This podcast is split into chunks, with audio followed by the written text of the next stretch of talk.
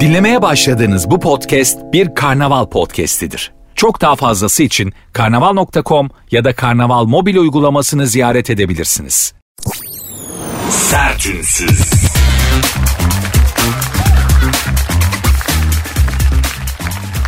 Herkese merhaba. Sert Ünsüz başladı. Ben Nuri Özgül.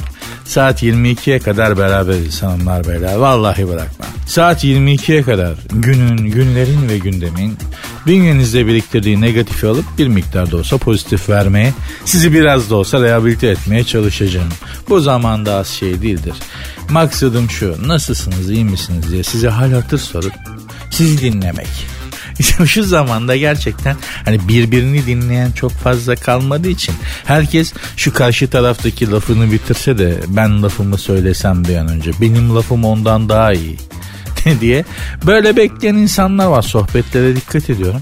Çok özel dost sohbetleri hariç. Özellikle yeni tanıştıysanız sohbet birbirine kendini ispat etmek. Ben senden daha iyiyim. Sen benden daha aşağıdasın argümanları şeklinde ilerler. Hani lafını bitir ben şimdi öyle bir şey söyleyeceğim ki seni etkileyeceğim senden daha iyi şeklinde falan. İşte bunların hepsi modern çağın şu günlerin raconları artık hayat böyle yapacak bir şey yok. O yüzden eh, daima artık sağlam argümanlarınız olmalı. Çünkü konuşma ve sohbet artık bir düello, bir ego ispat savaşı, bir ötekini yenme, ben daha alfayım. Bunu ispat etme durumuna döndü. Artık o eskisi nerede? Bir sen söyle, bir ben söyleyeyim. Sohbet edelim, birbirimizi anla falan onlar geçti. Artık öyle bir dünya değil. Nostaljisini de yapıyor değilim ama hani hala böyle zannediyorsanız çok yanılıyorsunuz. Onlar artık çok samimi, eş dost, aile arasında dönen sohbetler. Bugün sohbet, muhabbet dediğiniz şey özellikle yeni tanıştıysanız dediğim gibi egonu ispat etmek kendini kanıtlama savaşından başka bir şey değildir. Ama bu program öyle değil. Burada gerçi hep ben konuşuyorum bıdır bıdır bıdır ama siz de bir şeyler söyleyebilirsiniz. Bu nasıl olacak? Instagram ve Twitter sayesinde. Buralara mesaj atabilirsiniz. Programın Instagram ve Twitter adresleri zaten aynı. Sert unsuz yazıp sonuna iki alt tere koyuyorsunuz. Benim Instagram adresim de Nuri Ozgul 2021. Hanımlar beyler programın adı Sert Ünsüz. Twitter ve Instagram adresinden de anladığınız gibi. Başladık saat 22'ye kadar bir aradayız hadi bakalım. Sertünsüz.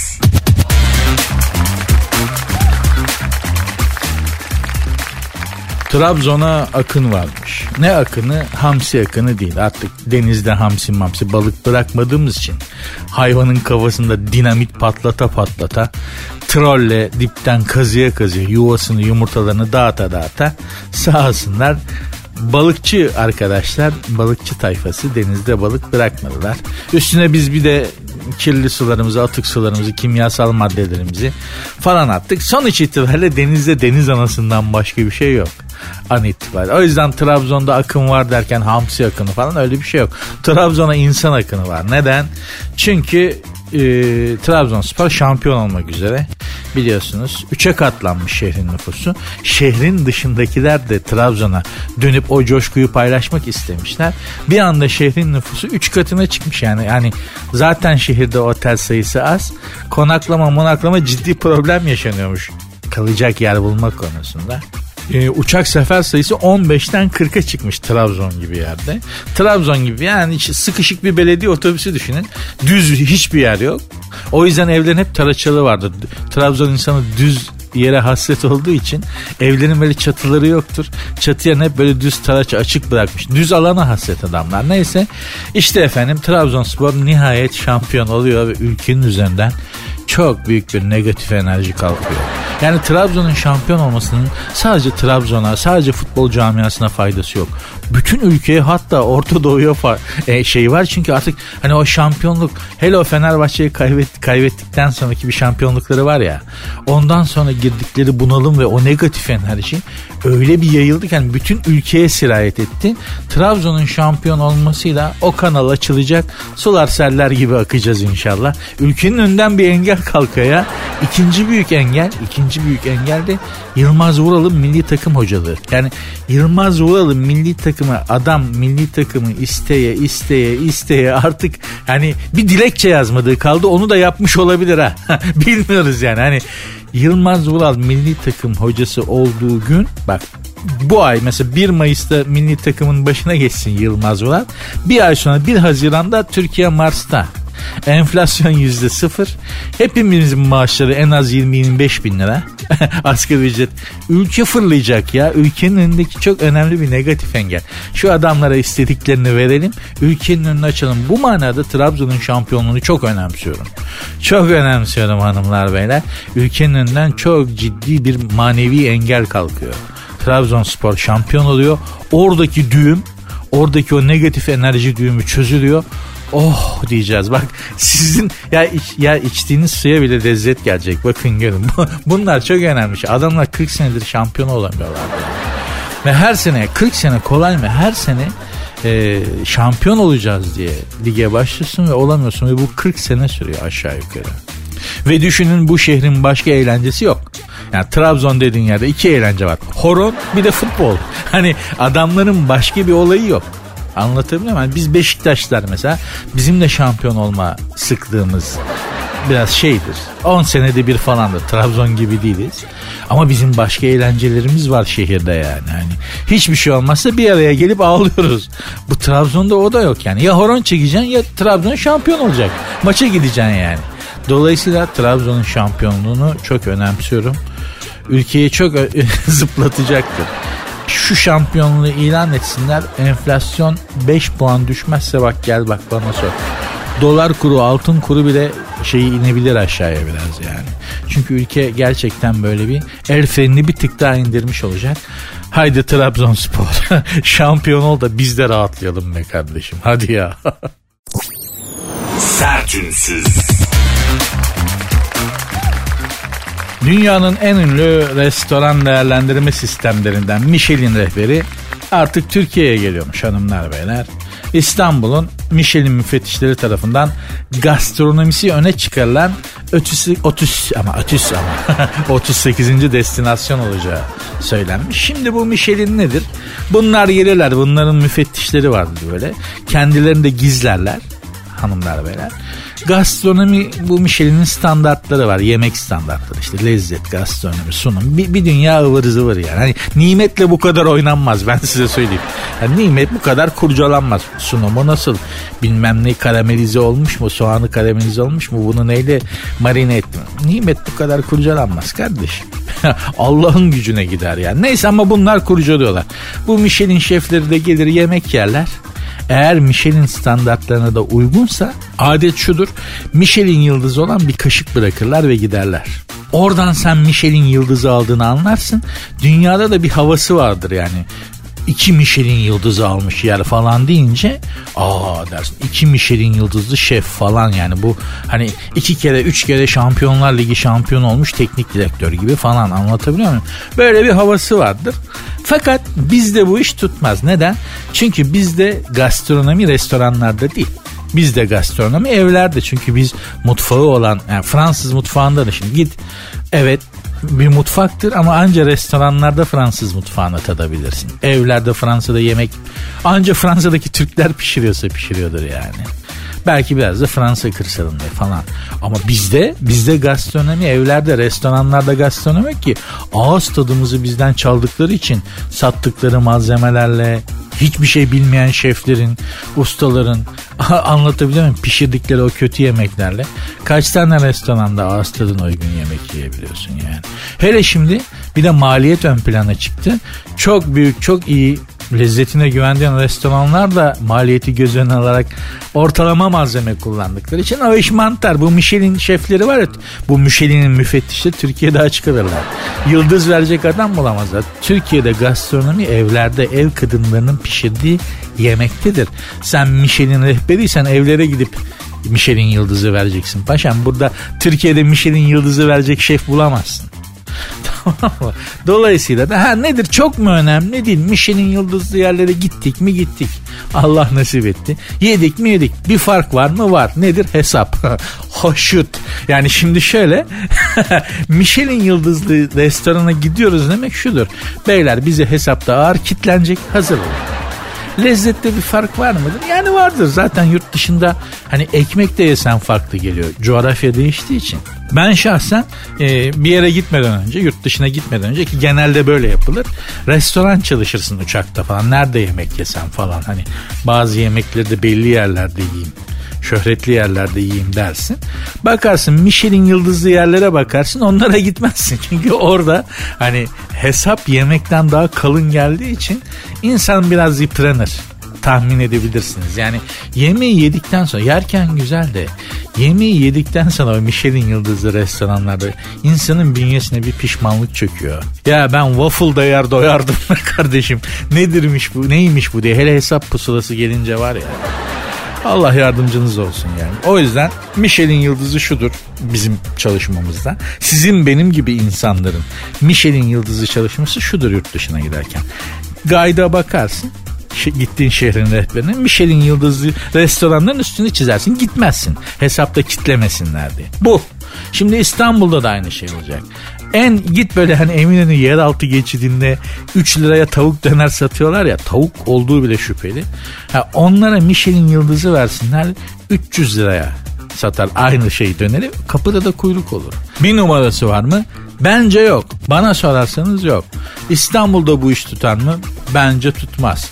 Kendi küçük dünyalarında birbirlerine yıldız alıp verirler. Bu iş bize hiç yansımaz. Hiç yansımaz yani. Ha biz umursamıyoruz. Paris'teki Parisli umursuyor mu? Hayır canım. Mahalledeki bistroya gidip yiyor yani. Hani Michelin yıldızı kovalamıyor. Ama hani turistik açıdan turistten daha çok para tokatlama manasında faydalı bir hizmettir. Onu da göz ardı etmemek lazım. Hanımlar beyler e, programın adı Sert Ünsüz. Ben Nuri. Programın Instagram ve Twitter adreslerini veriyorum. Sert unsuz yazıp sonra iki alt tere koyuyorsunuz. Benim Instagram adresim de Nuri Ozgul 2021. Sertünsüz. Donald Trump'a ceza. Her gün 10 bin dolar ödeyecekmiş. Bir mahkemesi varmış bu Donald Trump'ın. Mahkemede yeterli şartları, gerekli işte sunumları yapmadığı için, belgeleri sunmadığı için mahkeme her gün 10 bin dolar kitlemiş Donald Trump'a.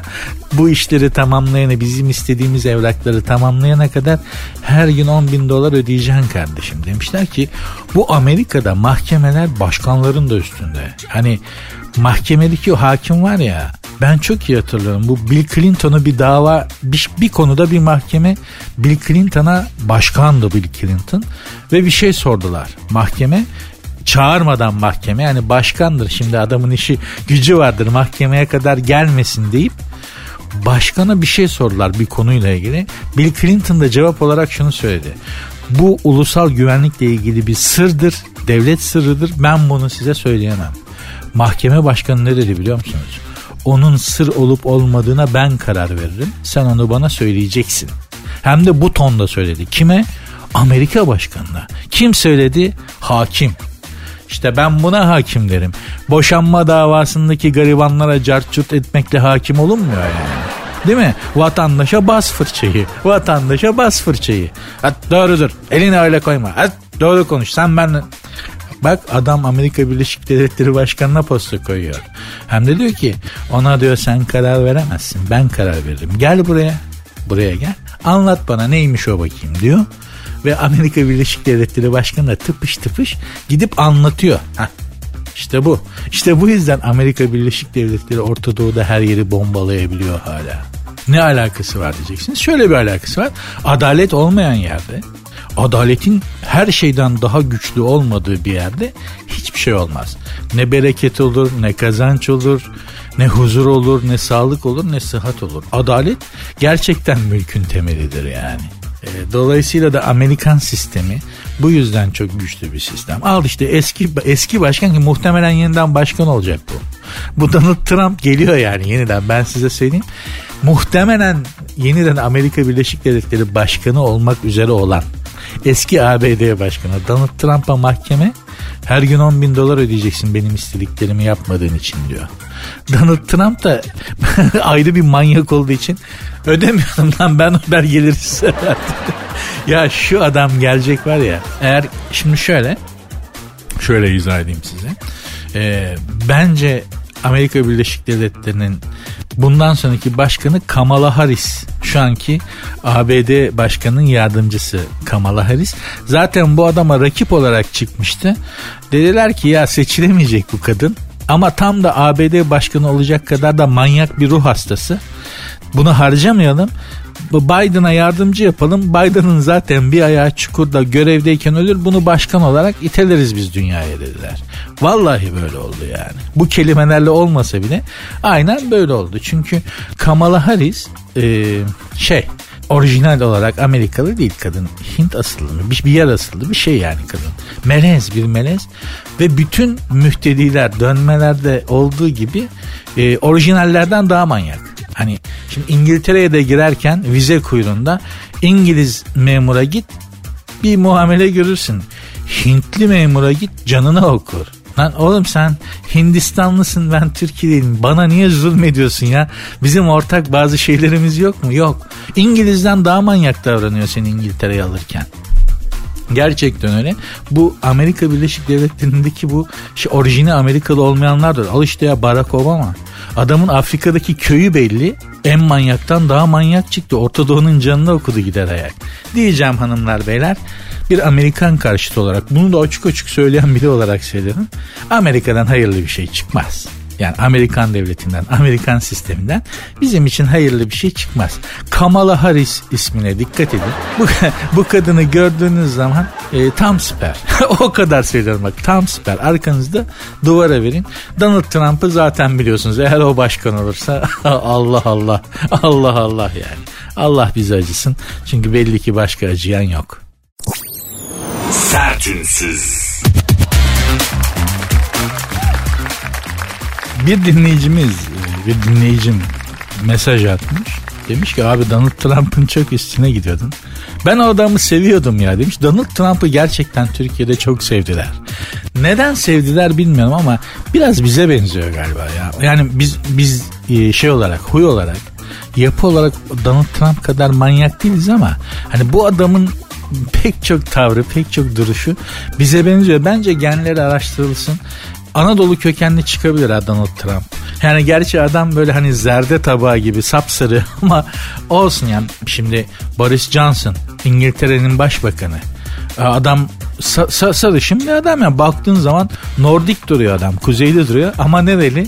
Orijin olarak Kırıkkale Kalfatlı köyü. Değil mi? Adamın adam Kırıkkaleli ya. Bildiğin Kırıkkaleli adam sapsarı böyle şey gibi e, Susam Sokağı kuklası gibi adam ama baktığınız zaman İç Anadolu bence Donald Trump da Anadolu'dan bir yerden olabilir. Ben gene e, Tokat, Zile, Yozgat üçgenini düşünüyorum Donald Trump için. Bilmiyorum Çorum da olabilir. Karadeniz'e pek kaymıyor açık söyleyeyim. İç Anadolu gibi duruyor Donald Trump. Yani boylu postlu yarma gibi bir adam değil mi? İç Anadolu'dan da öyle çıkar. Oralarda hani Sivas değil mi? Yiğit o baba yiğit.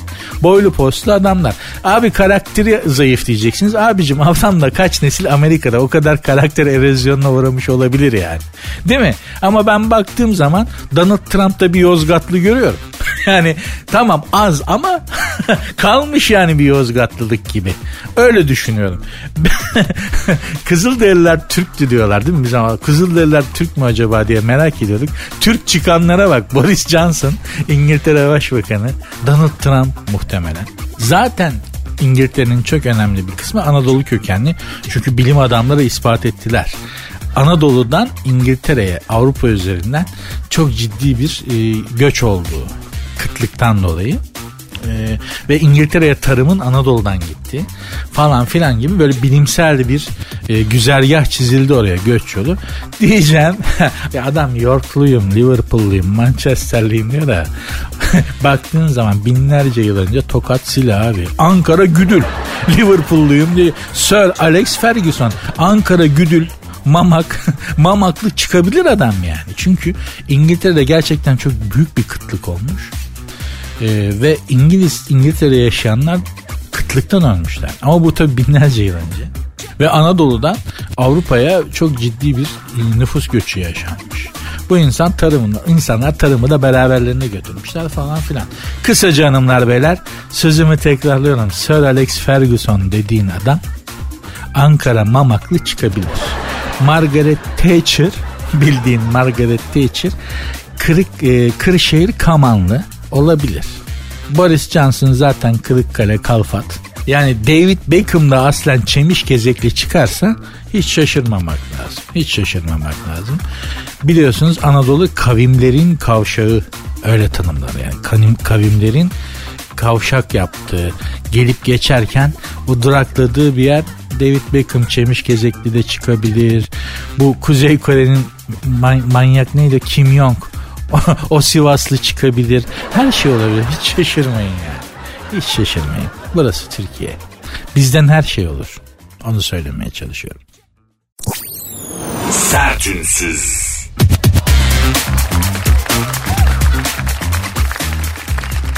Pandemi bitti biliyorsunuz artık e, kapalı alanlarda maske zorunluluğu da kalktı. Sayın Cumhurbaşkanı açıkladı.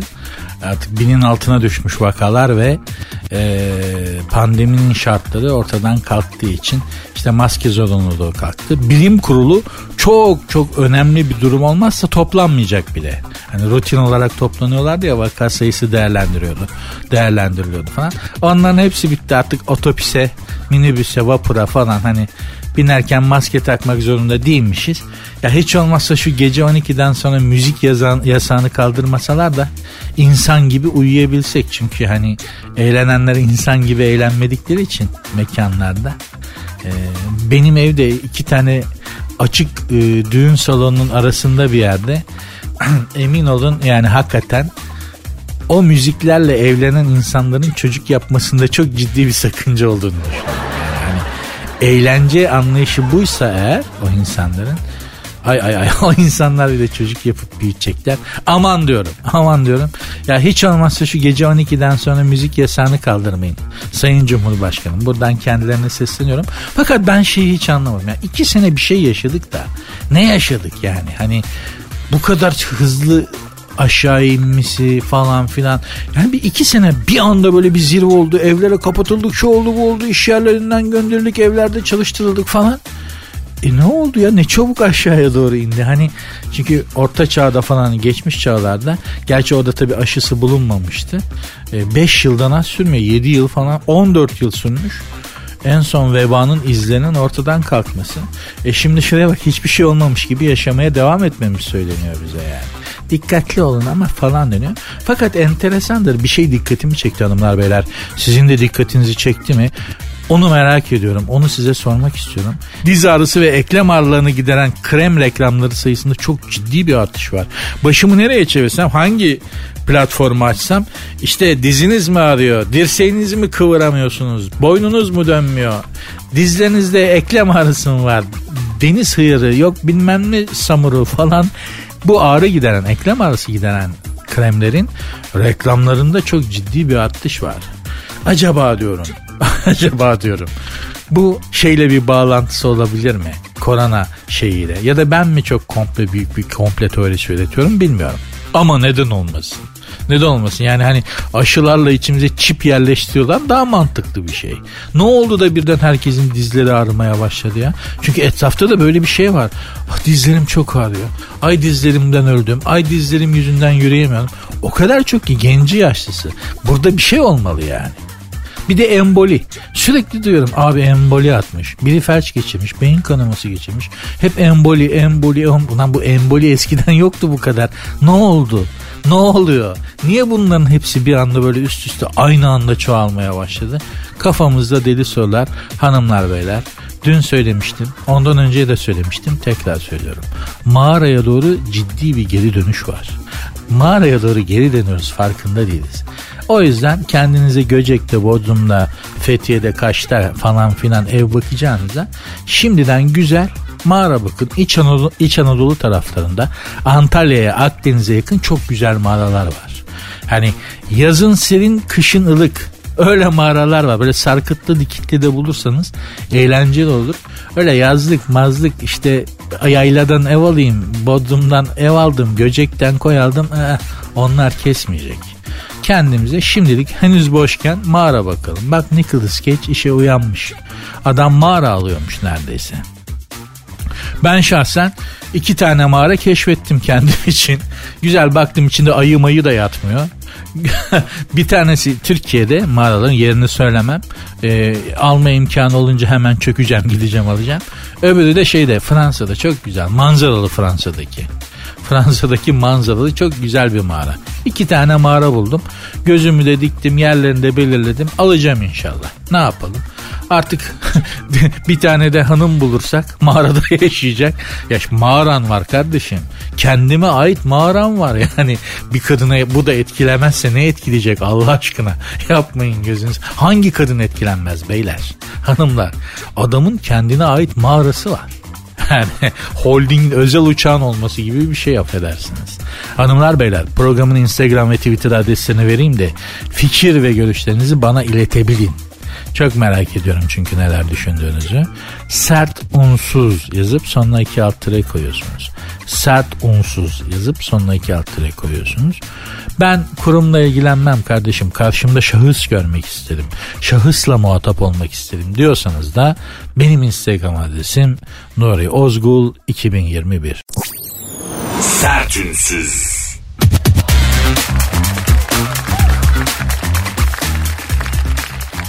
Sosyetikler bekarlığa böyle veda ediyor diye bir haber var elimde.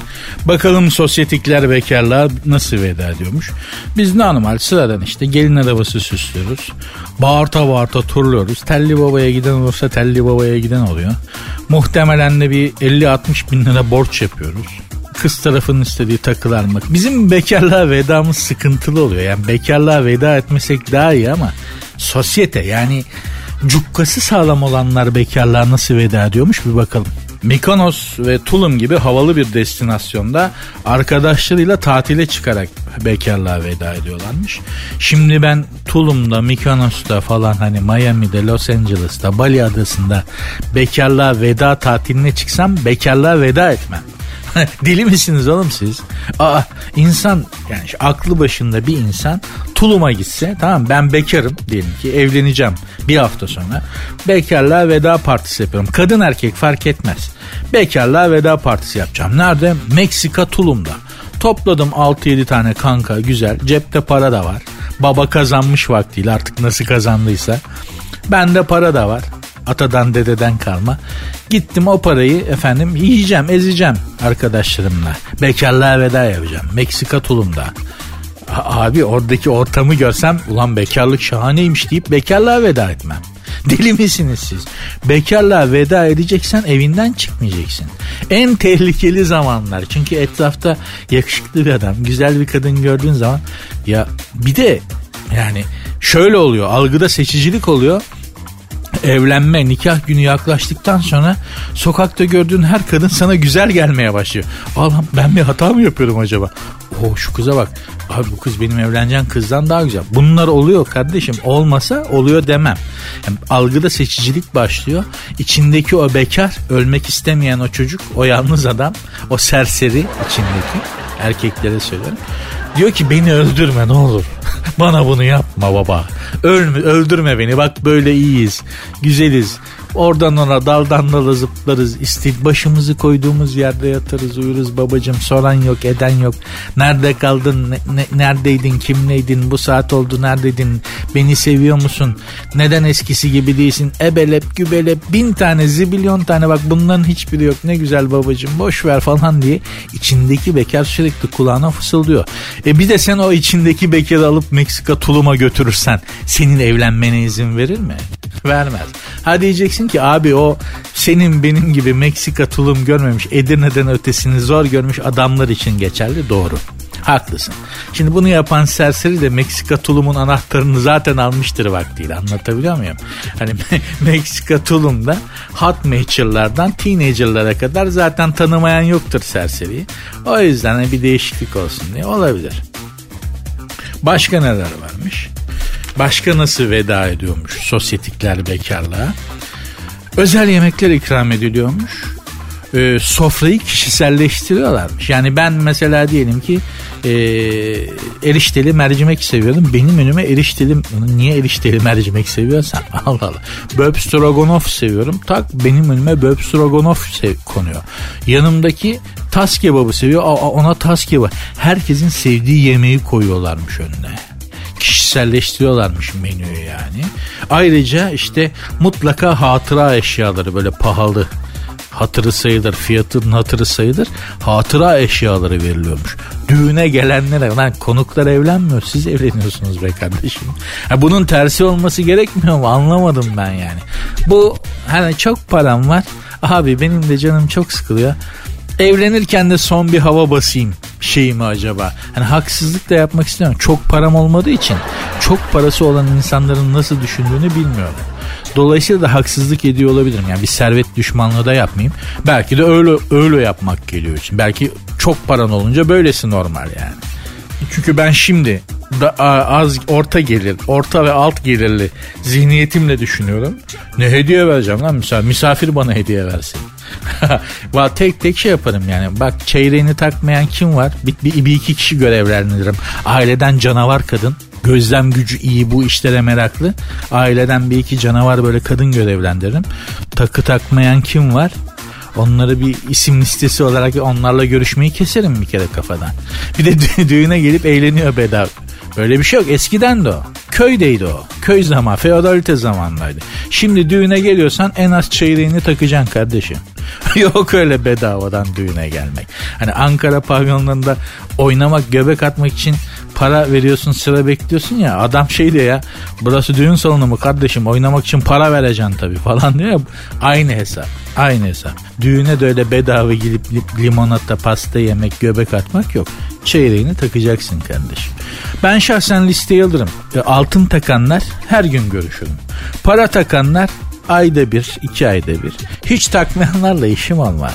Bundan sonra böyle. Ama sosyetiklerde tabii para çok olduğu için tam tersi oluyormuş. Hani gelenlere hediye veriliyormuş. Gelinle damata değil de gelenlere hediye veriliyormuş. Allah demek ki parayı verdikçe aklınla bir miktarını alıyor be. Değil mi yani? Hani çok da zengin olsam o çeyreği takacağım kardeş bana. Ben o çeyrek altını göreceğim yakamda ya. Benim şeyim bu yani. Traditional bir şey bu ya. Ee, ontolojik öğrenme diye bir şey. Ben ontolojik olarak bunu öğrenmişim. Evleniyorsam o çeyreği, o iğneyle dilinmiş 200 lirayı falan yakamda göreceğim. Göreceğim. Bu böyle yani yapacak bir şey yok. Hanım haberler. Birazdan devam edeceğiz bu konuya. Sertünsüz. Sosyetikler bekarlığa nasıl veda ediyorlar? İncelemeye devam ediyoruz. Bir tema belirlemek. Bunlar düğünlerine bu sosyetikler düğünlerine bir tema belirliyormuş. Tema nedir? Mesela 60'lar. Herkes böyle retro giyiniyor. 1960'lardaki gibi böyle kaynakçı gözlüğü gibi gözlükler, güneş gözlükleri fil yaka gömlekler falan. 70'ler miydi bu? Bilmiyorum da işte böyle hani fırfırlı gömlek ki ben onu çok seviyorum. O moda ne olur geri dönsün. Bu hani önü fırfırlı böyle dantelalı erkek gömlekleri var ya çok güzel. 60'larda modaymış. Bazı damatlıklarda ya da bazı takım elbise giyenlerde görüyorum. Ya çok janti, çok güzel bir şeymiş ya. Hafif İspanyol havası da var. O moda bir modacı yani etkili bir modacı beni dinliyorsa abi şunu geri döndürün. Saçma sapan bir sürü şey. O tight altına uk giyme çirkinliğini bile millete itelediniz. Millet yarı android gibi kadınlar sokakta 2 sene 3 sene gezdi. Ya şu fırfırlı gömleğin önü fırfırlı erkek gömleğini artık tekrar geri döndürün. Lütfen şöyle bir janti olalım ya. Bir oh diyelim yani bir erkeğe de bir güzellik gelsin ya. Şu sokaklara bak yarı orangotan gibi geziyoruz. Gözünüzü seveyim. Bize de artık bir stilize edin ya. Bizi de şimdi yaz geliyor. Artık o parmak arası terlikler o çirkin ayakları göre göre bütün estetik anlayışımız çökecek. Bütün estetik anlayışım. Ben gene bir iki ay rehabilite olmak zorunda kalacağım. Eylül, Ekim gibi o gördüklerimi unutmak için. Buradan da modacılara seslenmek istiyorum. Lütfen artık şu erkek modasını da biraz zerafetle stilize edin. Lütfen ya. Efendim bunlar düğünlerine işte 1960'lar ne bileyim Rio Festivali mesela. Hani öyle bir tema belirliyorlar. Gelen davetliler öyle geliyor. Anlatabiliyor muyum? Hiç bize göre değil. Biz takım ya düğüne giderken eskiden çocukluğumda hatırlıyorum işte kuaföre giderdi davetliler ha. Yani benim annem mahalleden biri evleniyor değil mi? O gün kuaföre giderdi işte elbise diktirilirdi. Ya benim annemin terzisi vardı ya. Ben hatırlıyorum yani hani butikten alışveriş butik zaten çok fazla yoktu da butikten alışveriş yapmak diye bir şey yoktu ki terziye elbise diktiriyordu kadınlar. Annemin terzisi vardı yani ve benim annem bir işçinin hanımı, ev kadınıydı yani. Böyleydi. Şimdi geldiğimiz noktada her şey var ama şıklık ve zarafet yok.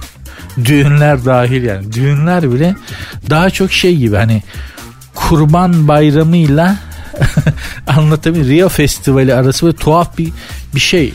Düğünlerdeki zarafet de pek kalmadı belki. Ya da biz yaşlandık bilmiyorum ama bu sosyetik bekarlığa veda partilerinde özellikle düğün bahsinde düğüne bir tema belirlenmesi halka inerse çok eğleniriz. Yani hani bu bir gelenek olsa artık ne bileyim mesela Sarıyer'de de Gültepe'de de Reşit Paşa'da da Antalya'da da Şarampol Mahallesi'nde Ankara'da Balgat'ta falan hani oradaki düğün salonlarında da bir tema belirlenerek gelin dese ben halkımızın bizim nasıl giyinip o temaya uygun gittiğimizi görmeye için her düğüne giderim. Benim gibi düğün sevmeyen adam hani düğün düğünden neredeyse nefret derecesinde iriti olan adam her düğüne giderim bak her düğüne.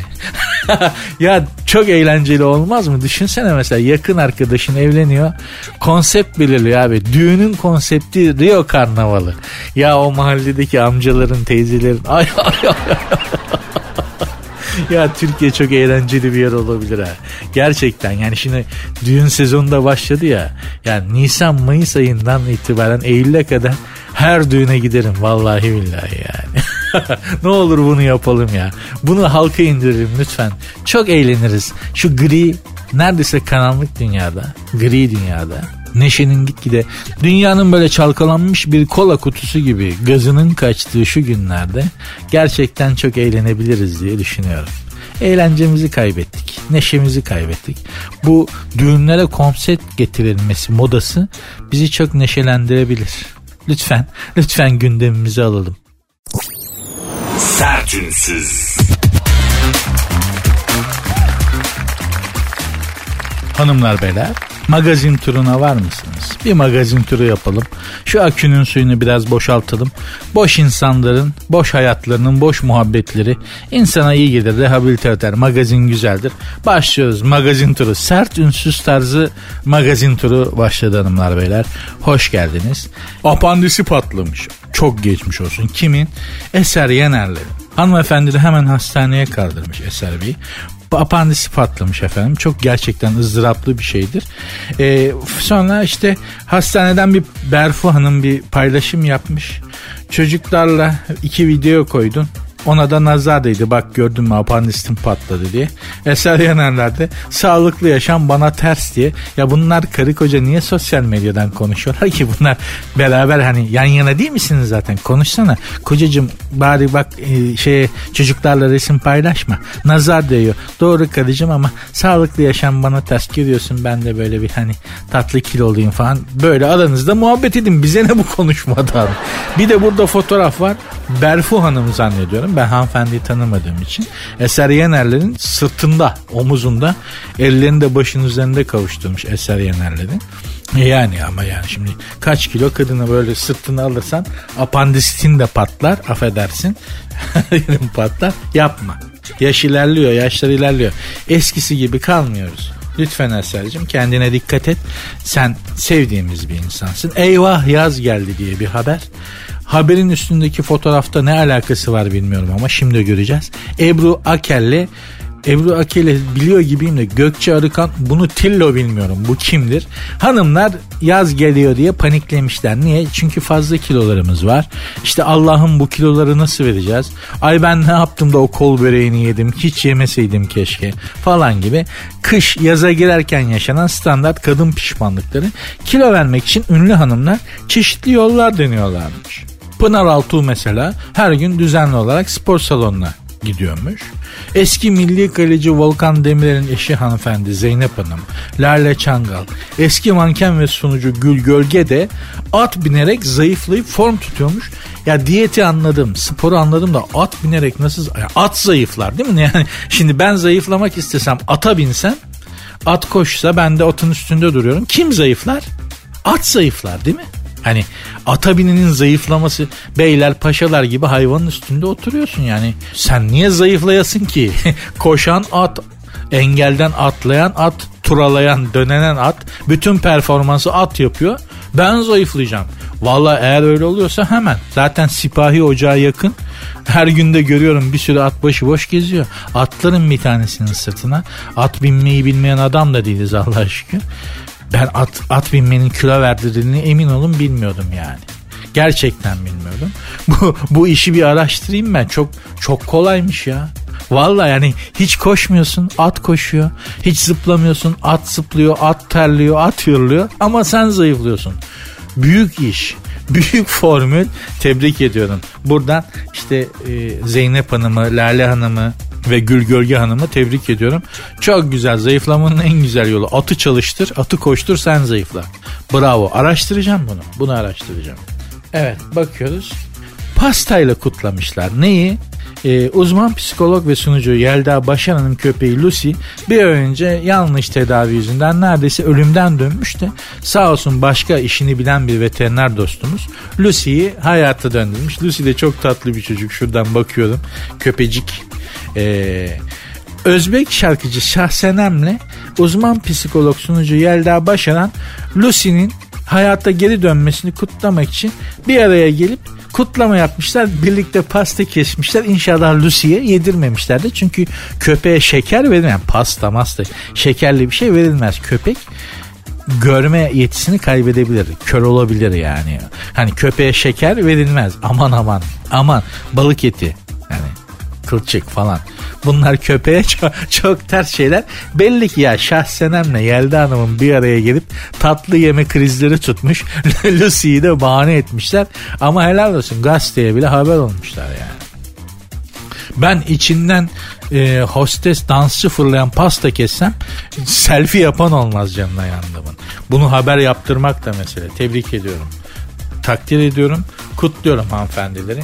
Magazine haber olmak magazine haber olabilmek bir meseledir, bir marifettir yani. Ah, korumasının omuzuna çıkmış. Kim? Gülşen. Nasıl olmuş? Gülşen yine çok konuşulacak bir haber, bir harekete imza atmış. Önceki akşam İzmir'de sahneye çıkan şarkıcı bu kez korumasının omuzunda sahneye çıkmış. Böyle korumasının omuzunda hani rock konserlerinde falan görüyoruz ya. İşte hanımefendi sevgilisinin omuzlarında böyle konseri seyrediyor. Gülşen de korumasının omuzlarına çıkıp konser alanında seyircilerin arasında öyle dolaşmış adamın omuzlarında. Burada fotoğraf da var. Korumanın yüzüne bakıyorum hani bu koruma hani gazi koşusunu koştuktan sonra yarış atı gazi koşan yarış atları emekli edilir ya bir daha koşulmaz. Çünkü o hayatının performansını göstermiştir ve bir daha onu zaten gösteremeyecektir. Gazi bir finaldir atlar için yani. Gazi koşan at bir daha koşturulmaz hele kazanmışsa falan. Adamın yüzünde o gazi gazi koşmuş at suratını görüyorum yani. Ne olur beni artık çalıştırın. Şu noktadan sonra ben daha ileri gidemem diye. Bu adamı artık valla salın Pasinler Ovası'na. Ha? Konya Ovası'na bir yere salın bu kendi kendine dolaşsın. Çok sevdim bu haberi ya. Adamın yüzünü görseniz var ya. Neden geldim ben bu dünyaya der yani batsın bu dünya. Gencebay'ın şarkısı adamın yüzünde böyle surat ifadesi olarak cisimleşmiş ya. Ah garibim benim ya. Memleket ne hale geldi? Kimlerin eline kaldık? Magazinde bile kalite erozyonu zirvede. Eskiden ünlü dediğin zaman ya ünlü dediğin zaman hani ben de böyle bir dinozor muhabbeti yapmak istemem. Ünlüler ünlüydü be kardeşim. Hani Zeki Müren, Ajda Pekkan, Bülent Ersoy, Anlatabiliyor muyum? Hülya Avşar. Hani Hülya Avşar bile çok ünlü sayılmaz o eski ünlülerin yanında. Şimdi ünlü diye magazin haberlerine bakıyorum. Yarısından fazlasını tanımıyorum. Hem bir de zaten bir tek magazin haberi yapan muhabir tanıyor yani. Abi, hani bunları tanıyoruz artık. İrem Derici gerçekten bir magazin ikonu oldu. Onun vesilesiyle Cem Belevi de e, erkek arkadaşı flörtü sevgilisi o da şey oldu. E, bunlar bir ayrılıp bir barışıyorlarmış. İşte gene böyle bir şey. Cem Belevi demiş ki hayırlısı diyelim demiş. Akışına bıraktık. En güzeli Cem'ciğim akışına bırakacaksın. Şey gibi yani hani stoacı takılıyor Cem anlatabiliyor muyum? Hani akan nehre akıntıya karşı yüzmem abi ben nehrin akışına bıraktım. Çok bin yıl yaşar bu kafayla. Akışına bıraktık diyor. Ee, bu fırtına aramızdaki bu fırtınada ne olur bilemem diyor. İrem Derici ile fırtınalı bir aşkı varmış. Ayrılmalı, barışmalı, kavgalı, sarılmalı böyle. Enteresan bir aşktır. Benim tarafımda değişmeyen bir tek şey var. İrem'e olan saygım demiş ki aman bir ilişkide bak. Çok bu da güzel bir magazin şifresidir hanımlar beyler. Taraflardan biri saygı duyuyorum ona saygı duyuyorum falan demeye başlamışsa en az onun için o ilişki bitmiştir. Hani hani İrem'e saygın hiç bitmedi. o ilişki bitmiş Cem için yani Cem Beli. Saygı maygı ilişkide söz edilmeye başlandığı zaman hayatım sana saygı duyuyorum. Sana çok ah, anla ki o iş mantara bağlıyor karşı tarafta. O yüzden de ben size söyleyeyim. Yani Cem Belevi tarafında en azından bir çatlak oluşmuş bardakta. İnşallah bizim dediğimiz gibi olmaz. Bir ömür boyu mutlu mesut yaşarlar inşallah. Sertünsüz. Hanımlar beyler sertünsüz devam ediyor diyebilmeyi çok isterdim ama bugünlük programı maalesef bağlar başı yapıyoruz. Saat geldi vakit tamam benim vazifem bitti. İnanıyorum ve diliyorum ki saat şu saate göre saat 8'de olduğundan kendinizi daha iyi hissediyorsunuzdur. Muhabbet, sohbet, program sizi biraz gevşetmiştir diye umut ediyorum. Bünyenizdeki negatifin bir miktarını alıp pozitif verebildiysem ne mutlu bana. Gördüğünüz gibi genelde haber ağırlıklı bir program. Haberleri yorumlamak, haberleri beraber e, irdelemek ağırlıklı bir program yaptım. Biraz makara tarafından. Dünyanın çivisi çıkmış durumda. Yani hani geliyorsunuz iller tutar insana göre doğru dürüst oh be diyebileceğimiz ya da üzerinde durup da düşünmeye değer hiçbir şey yok ıvır zıvırla dolu bir hayat geçiyor maalesef. Ya da bizi hayatın bize sunulan gözümüze sokulan kısmı böyle. ıvır zıvır. ıvır zıvır tipler, ıvır zıvır insanlar ve onların yaptıkları ve sebep oldukları ve söyledikleri. Başka bir şey yok. Bu yüzden şekerim, hanımefendiler ve beyefendiler kendimizi eğlendirmek dışında da başka bir şansımız yok. Aklınıza mukayyet olun. En önemlisi bu. Şu zamanda aklını koruyabildiysen tırlatmıyorsan, kafayı yemiyorsan, kendi kendine konuşmaya başlamamışsan, böyle bir takım nesnelerle konuşup onlardan cevap almıyorsan, mesela anlatamıyor hani evde çaydanlıkla konuşup sen niye daha demlenmedin ya niye kaynamadı daha senin suyun falan demiyorsan çaydanlıkta az sonra kaynıyor abi falan diye cevap vermiyorsa tamamdır. Yeter. Bu zamanda en büyük zenginlik akıl sağlığını korumaktır. Bunu koruyabiliyorsan, inceden kafayı kırmadıysan daha büyük bir nimet de yok. Zengini fakiri için yani. Görüyorsun adamların parayı koyacak yeri yok. Yaptıkları bekarlığa veda partisi saçmalıklarına bak yani ama ne yapacaksınız? Böyle bir çağa denk geldik hanımlar beyler. Yapacak bir şey yok. Ben de isterdim Newton'la, Kopernik'le, efendim Aristoteles'le, yani Büyük İskender'le aynı çağda yaşamayı ama denk gelmedi işte. Maalesef bunlara denk geldik işte Elon Musk falan filan gibi. Tuhaf tuhaf insanlara denk geldik. Yapacak bir şey yok. İdare edeceğiz. Olduğu kadar. Kendinizi fazla yıpratmayın. Gaza fazla basmayın şeyi fazla, makineyi fazla yıpratmayın. En önemlisi bu. Çünkü bu zamanlar çok patinaj yaptırıyor insana. Patinaj da yıpratır biliyorsunuz. Patinaja girmeden yavaş yavaş sakin gidelim. Yavaş gidelim ama patinaja girmeyelim. Vallahi şu zamanların şeyi bunlar yani görüyorsunuz. Tavsiyeler bile bir şeye benzemiyor yani. Öyle bir devre denk geldik. O yüzden kafayı yemezsek ben de yemezsem tırlatmazsam ya da yolda biri bize ne bakıyorsun la deyip kavga çıkartıp öldürmezse falan İstanbul'da yaşıyorum sonuçta bunlar olabilir.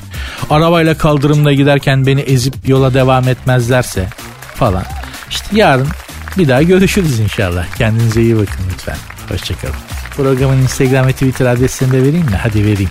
Sert unsuz yazıp sonuna iki alt koyuyorsunuz. Benim Instagram adresim de Nuri Ozgul 2021.